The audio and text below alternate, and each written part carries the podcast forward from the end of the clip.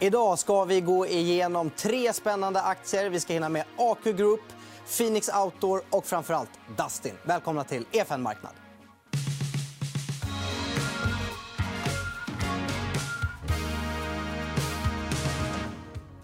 Och för att ta oss igenom detta så har vi analytikern eh, Carolina Elvind. Välkommen. Tack så mycket. Kul att vara här. Och eh, Dustins vd Thomas Ekman. Välkommen. Tackar, tackar.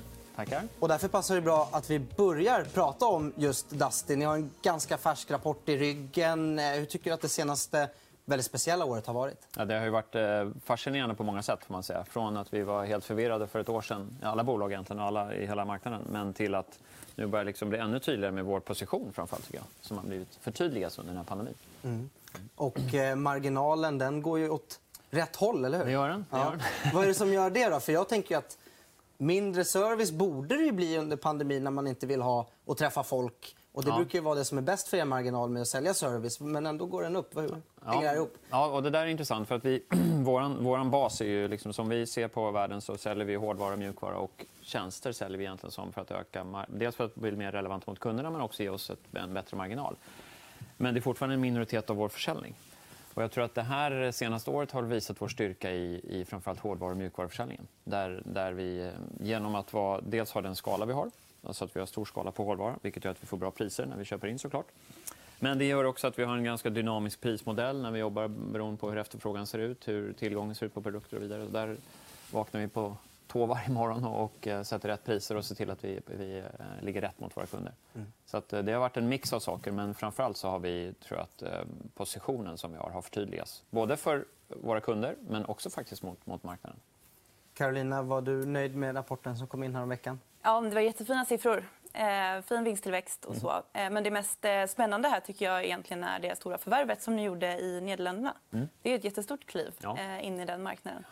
Vad, eh, jag tänker, för ni har ju expanderat tidigare i Norden. och så där. Hur, liksom, Är det här en liknande typ av strategi ni har satt för att gå in i även Nederländerna? Då, eller? Mm. Det kan man säga att det är. faktiskt. Eh, och det, är ett jättespännande förvärv. såklart. Det är det. Ett, ett också stort förvärv för oss. Eh, men vi har ju funnits i Nederländerna sedan tre år tillbaka ungefär och köpte oss in genom en annan bolagsstruktur som var mer serviceinriktad. Men i alla serviceaffärer finns ju mycket hårdvara. Och vi vet ju att vår styrka ligger i att bygga en skala från att ha en stark position i hårdvara och mjukvara. Och på det så kan vi dels bygga ut oss mot små och mellanstora bolag men vi kan också fortsätta leverera mot stora bolag och publika, eh, publika sektorn. Och sen ha services som en eh, marginalkontributor i det här egentligen.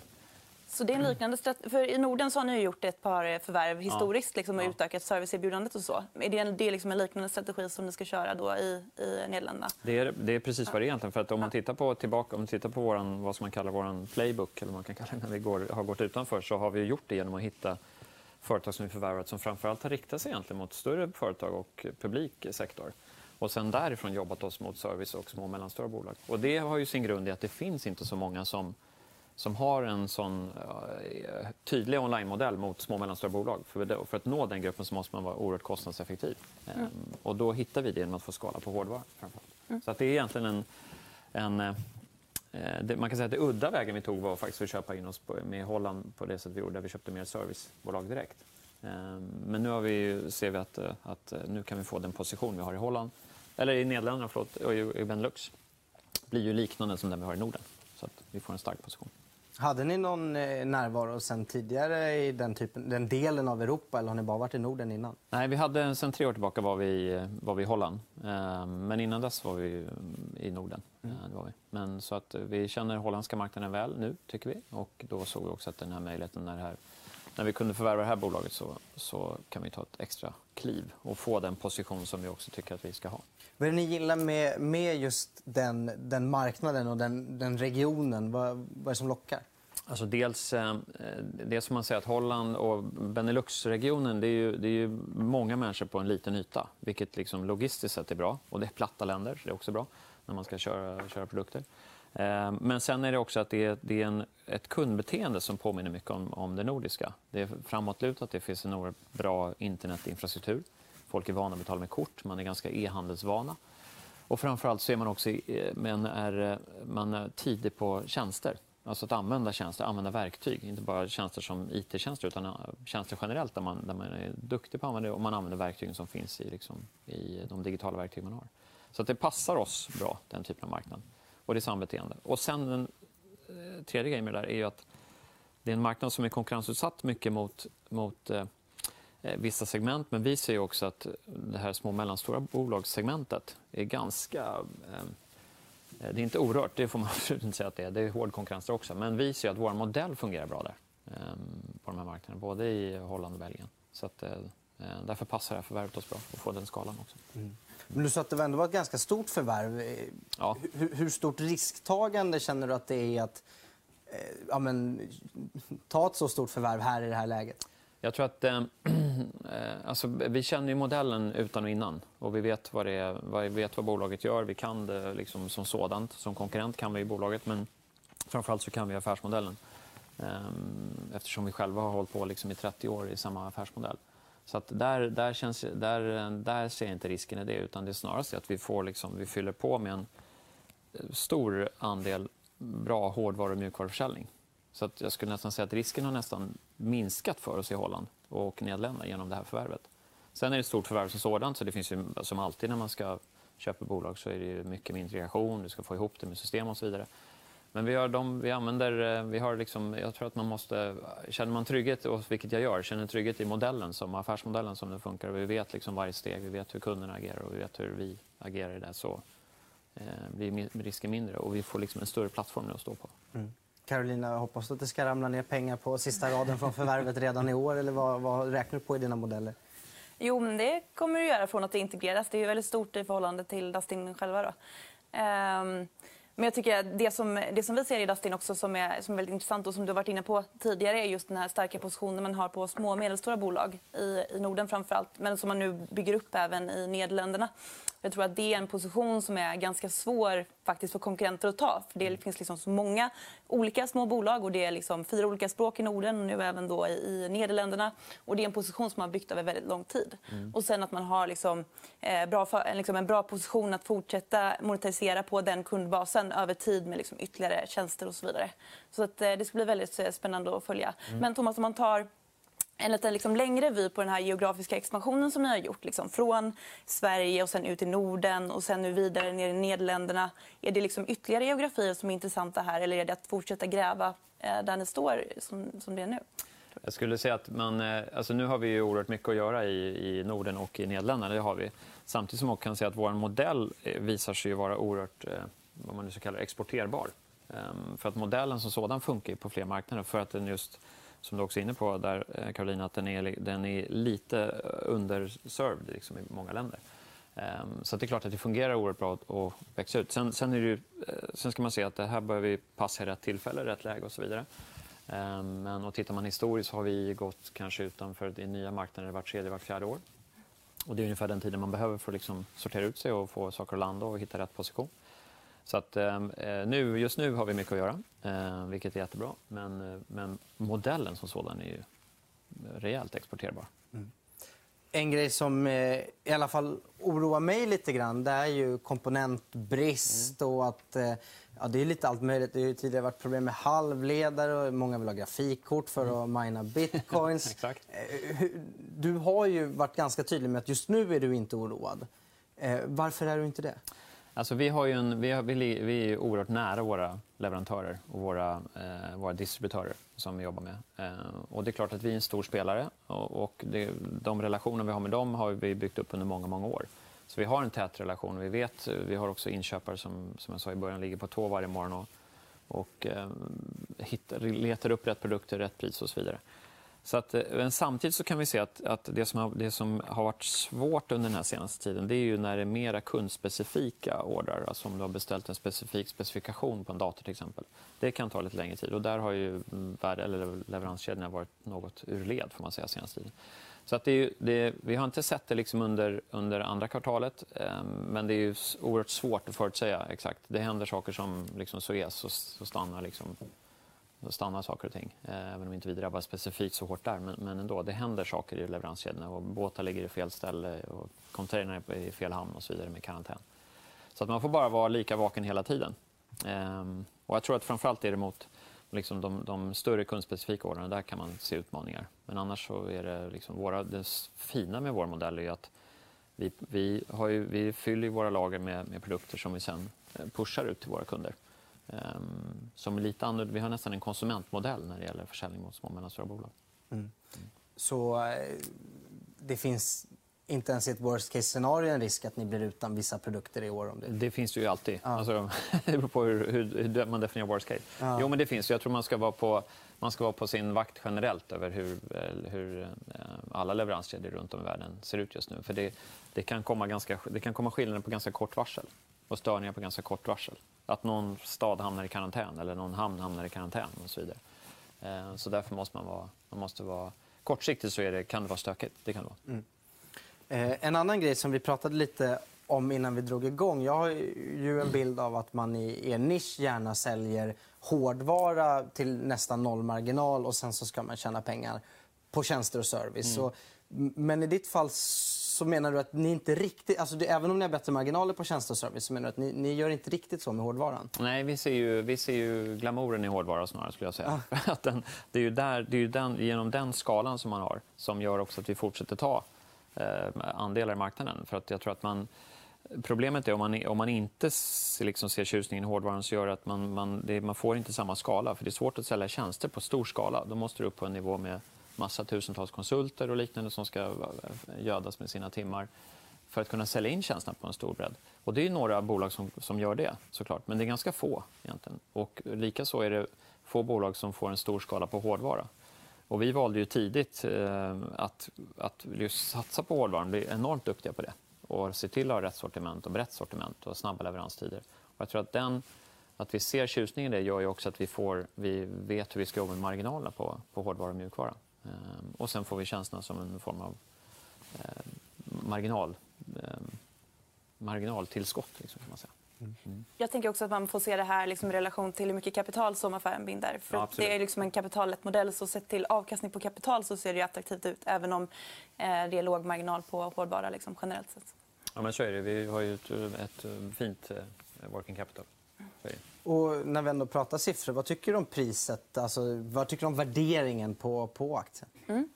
Eh, nej men Dustin värderas ju under marknaden som helhet. Eh, och nu har ni brutit räkenskapsår, men om man tittar på kommande 12 månader och vad analytiker räknar med då så ser det ut att vara ungefär P16 någonstans där. Eh, och det är en bra bit under marknaden som helhet. Så, och liksom, vi tycker att Dustin är ett kvalitetsbolag som har bevisat sig över tid. Eh, så att, eh, vi tycker det är ett attraktivt pris. Eh, varför tror du att marknaden värderar det under marknaden som helhet? Vad, vad är det de har missförstått?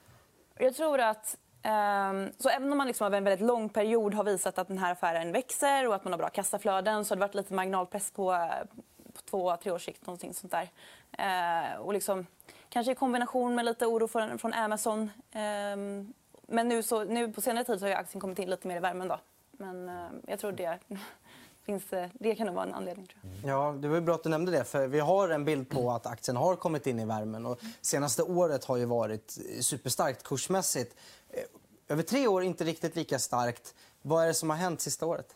Dels så tror jag faktiskt att vår position, nu var inne på lite tidigare, vår position har förtydligats. För det är också så när man är en sån, om du tittar på e-handlare i Norden så är vi på 13 miljarder och nästa e-handlare ligger ju kanske på 5. Ehm, så att vi har inte någon, vi har, i, en, I en aktiemarknad så behöver man ibland peers för, eller konkurrenter för att se vänta, hur bra är vi jämfört med andra. Det finns inte så många andra att jämföra med. Och då kan ju den här Amazon-frågan också bli, bli stor plötsligt för många. Att, vänta, vad ska hända nu när Amazon kommer in? Och nu ser vi att okay, vi har ju vår nisch och det funkar bra att leva med Amazon. Och Det har vi sett i andra marknader också. Så jag tror att det som händer nu är att, att, eh, att man börjar förstå styrkan i positionen att vara onlinehandlare, ligga med så nära eh, leverantörer, så nära distributörer så att man har saker på hyllan som man kan leverera fort till kunderna när man behöver det. Och det är klart att nu uppgraderas ju hemmakontor, kontor uppgraderas. Våra kunder som nu ser att okay, till höst kommer vi nog komma tillbaka på något sätt. Ja, då måste vi ha helt andra konferensrum, vi måste ha helt andra skärmar. Det blir liksom en eh, digital first-modell snarast att man bygger om. Man bygger inte för att man ska sitta i ett rum utan man bygger för att några är där men många är också på länk. Och det, kommer såklart, det är klart att det gagnar vår position. Absolut. Och jag upplever också liksom att just att det är business to business, to business som är liksom er modell i huvudsak. Ja. Eh, att det är mycket lägre risk i den typen av affär. Yes. Så det jag tror jag är viktigt. Mm. Eh, innan vi avrundar, Carolina, jag vet att du gillar det här bolaget men om du får stolpa upp någon, någon risk, eh, vad, vad, skulle kunna skälpa det här caset? Eh. Det finns väl risker i alla bolag. Liksom. Eh, men det är klart att integrera ett stort förvärv är alltid en risk på kort sikt. Eh, och sådär. Ehm, men sen så, det är liksom ett fint bolag som har en bra bolagskultur och, och bygger värde över tid. Men det är klart att skulle det hända någonting eh, som förstör den företagskulturen så, så är det en risk på lång sikt. Liksom. Men, eh, typ om de skulle värva mig som vd så skulle jag se det. Då skulle det gå fort. Och, men, ja, hållbarhet måste vi hinna med också. Vad, vad tänker du om hållbarhetsvinkeln här? Ja, jo, för ni hade ju en, en rad nya hållbarhetsmål här då, som var klimatneutral till, eh, till 2030. Eh, men även mycket liksom, jobba med sociala förhållanden på fabriker och, och så vidare. Som jag tycker är värt att, att lyfta fram. Då. Och jag tänker också för ni Visst är det så att ni vinner en del affärer just på att eh, liksom, och kunder liksom kräver att man är, eh, har en mer hållbar eh, modell? Oh ja, oh ja. Det där har ökat markant de senaste två åren. Skulle jag säga. Tack vare den allmänna debatten som är i samhället. också. Och, nu ser vi man kunde kanske tro för ett år sedan när pandemin började att folk skulle liksom backa tillbaka i sina hållbarhetsjobb och miljöjobb för att man behövde liksom få koll på maten på tallriken först. Men det har ju blivit tvärtom. Tycker jag. jag tycker vi ser mer och mer från kunder. Först kommer det här från publika eh, enheter som sätter det som ett skallkrav att du måste ha vissa, vissa eh, krav på dig och vissa, uppfylla vissa krav. Men nu kommer det från alla delar. Och framförallt våra, jag tycker också intressant med våra små och mellanstora kunder att där ser man mer som att det är liksom helt givet att vi ska ta hand om, att vi ska klara av att visa hur mycket CO2 en dator släpper ut, hur, mycket, hur vi jobbar med eh, villkoren i fabrikerna och så till. Där, alltså man tar det liksom nästan för givet att det här sköter vi eh, åt våra kunder. Vilket är jättebra, för det är ju det ansvaret också vi ska ta. Så att, ja. mm. Tack så mycket för att du kom hit, Thomas Ekman. Tack ska du ha. Tack. Nu ska jag och Carolina gå vidare och prata om två andra bolag. Då ska jag och Carolina gå vidare i programmet med AQ Group och Phoenix Outdoor. Och vi börjar med de förstnämnda som är ett eh, bolag du gillar, förvärvsbolag. Kan du inte berätta lite om, om vad du tänker om det här bolaget? Mm, absolut. AQ är ett bolag som har växt väldigt fint över tid, drivet av förvärv eh, och som har, liksom, är i en bra position att fortsätta göra det då. Och till ett attraktivt pris, helt enkelt. Mm.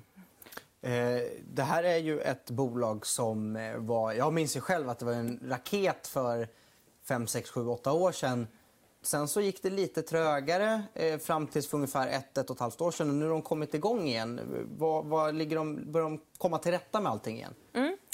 Eh, så det som eh, AK AQ har gjort väldigt bra historiskt är att de har liksom köpt upp väldigt billiga bolag, bra bolag och sen har man eh, liksom tagit upp marginalerna i dem och, och, haft en väldigt fin utveckling över tid. Då. Sen så hade man ett, eh, nu har man haft här i liksom två år ungefär Eh, lite behov av intern omstrukturering som har varit kanske lite mer inåtvända än vad vi tror att de kommer vara framåt. Då. Eh, man har en nytillträdd eh, vd i form av James Agren eh, som har varit länge på AQ, kan kulturen väldigt väl. Eh, och en mycket stark balansräkning också efter det här året. Eh, så att vi tror att det kommer en förvärvsoffensiv här de kommande åren och där man faktiskt har redan börjat. Man gjorde ett förvärv här då förra veckan i Schweiz. Mm. Vad är det för typ av bolag som de äger och köper? Mm. Eh, så det här är ju eh, en underleverantör till industrin. Då. Och, eh, och man kan säga om branschen är egentligen att det är en väldigt tuff bransch. De har stora, krävande kunder. Men AQ är väldigt bra på det de gör. De har faktiskt, trots då att man har tuffa kunder och det är en cyklisk bransch så har man inte i sin 27-åriga historia någonsin haft ett förlustkvartal. Och det är en väldigt stark prestation, anser vi. Och, eh, det finns faktiskt lite intressanta exponeringar här som jag tror att marknaden också inte helt uppskattar än. Eh, och det är ju liksom delvis att den här eh, liksom, stora utvecklingen vi ser i samhället med elektrifiering, automatisering men även liksom, eh, ESG-trenden. Den kräver viss liksom, bakomliggande infrastruktur där AQ är med och levererar till. Så ta en, eh, en, en grej som elskåp till exempel. AQ säljer elskåp till eh, sol och vindkraftsindustrin eh, till exempel.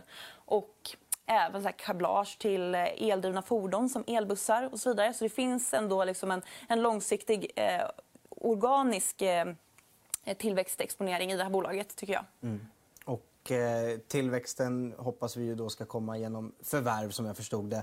Vad, vad får man för betala för det här? Ja, så att, eh, Eh, på rull 12, eller på rullande 12 månaders PE eh, så handlar vi det här bolaget på 16-17 gånger någonting. Och det tycker jag är... Alltså dels är det ju en bra bit under marknaden. Um, och dels så tycker jag att det är en bra, en fin, liksom billig prislapp för ett kvalitetsbolag som hanterar AQ-vara. Så där är ju ett bolag som har visat att man kan bygga mycket värden över tid. Man har liksom den här starka bolagskulturen, eh, ett otroligt entreprenörsdriv och decentraliserad struktur då, eh, som är spännande. Mm. Det känns som att det har blivit ganska inne att vara industriförvärvare. Det kommer in fler och fler på börsen och det har funnits många sedan innan. Mm. Hur står de sig i konkurrensen där bland allihopa? Mm.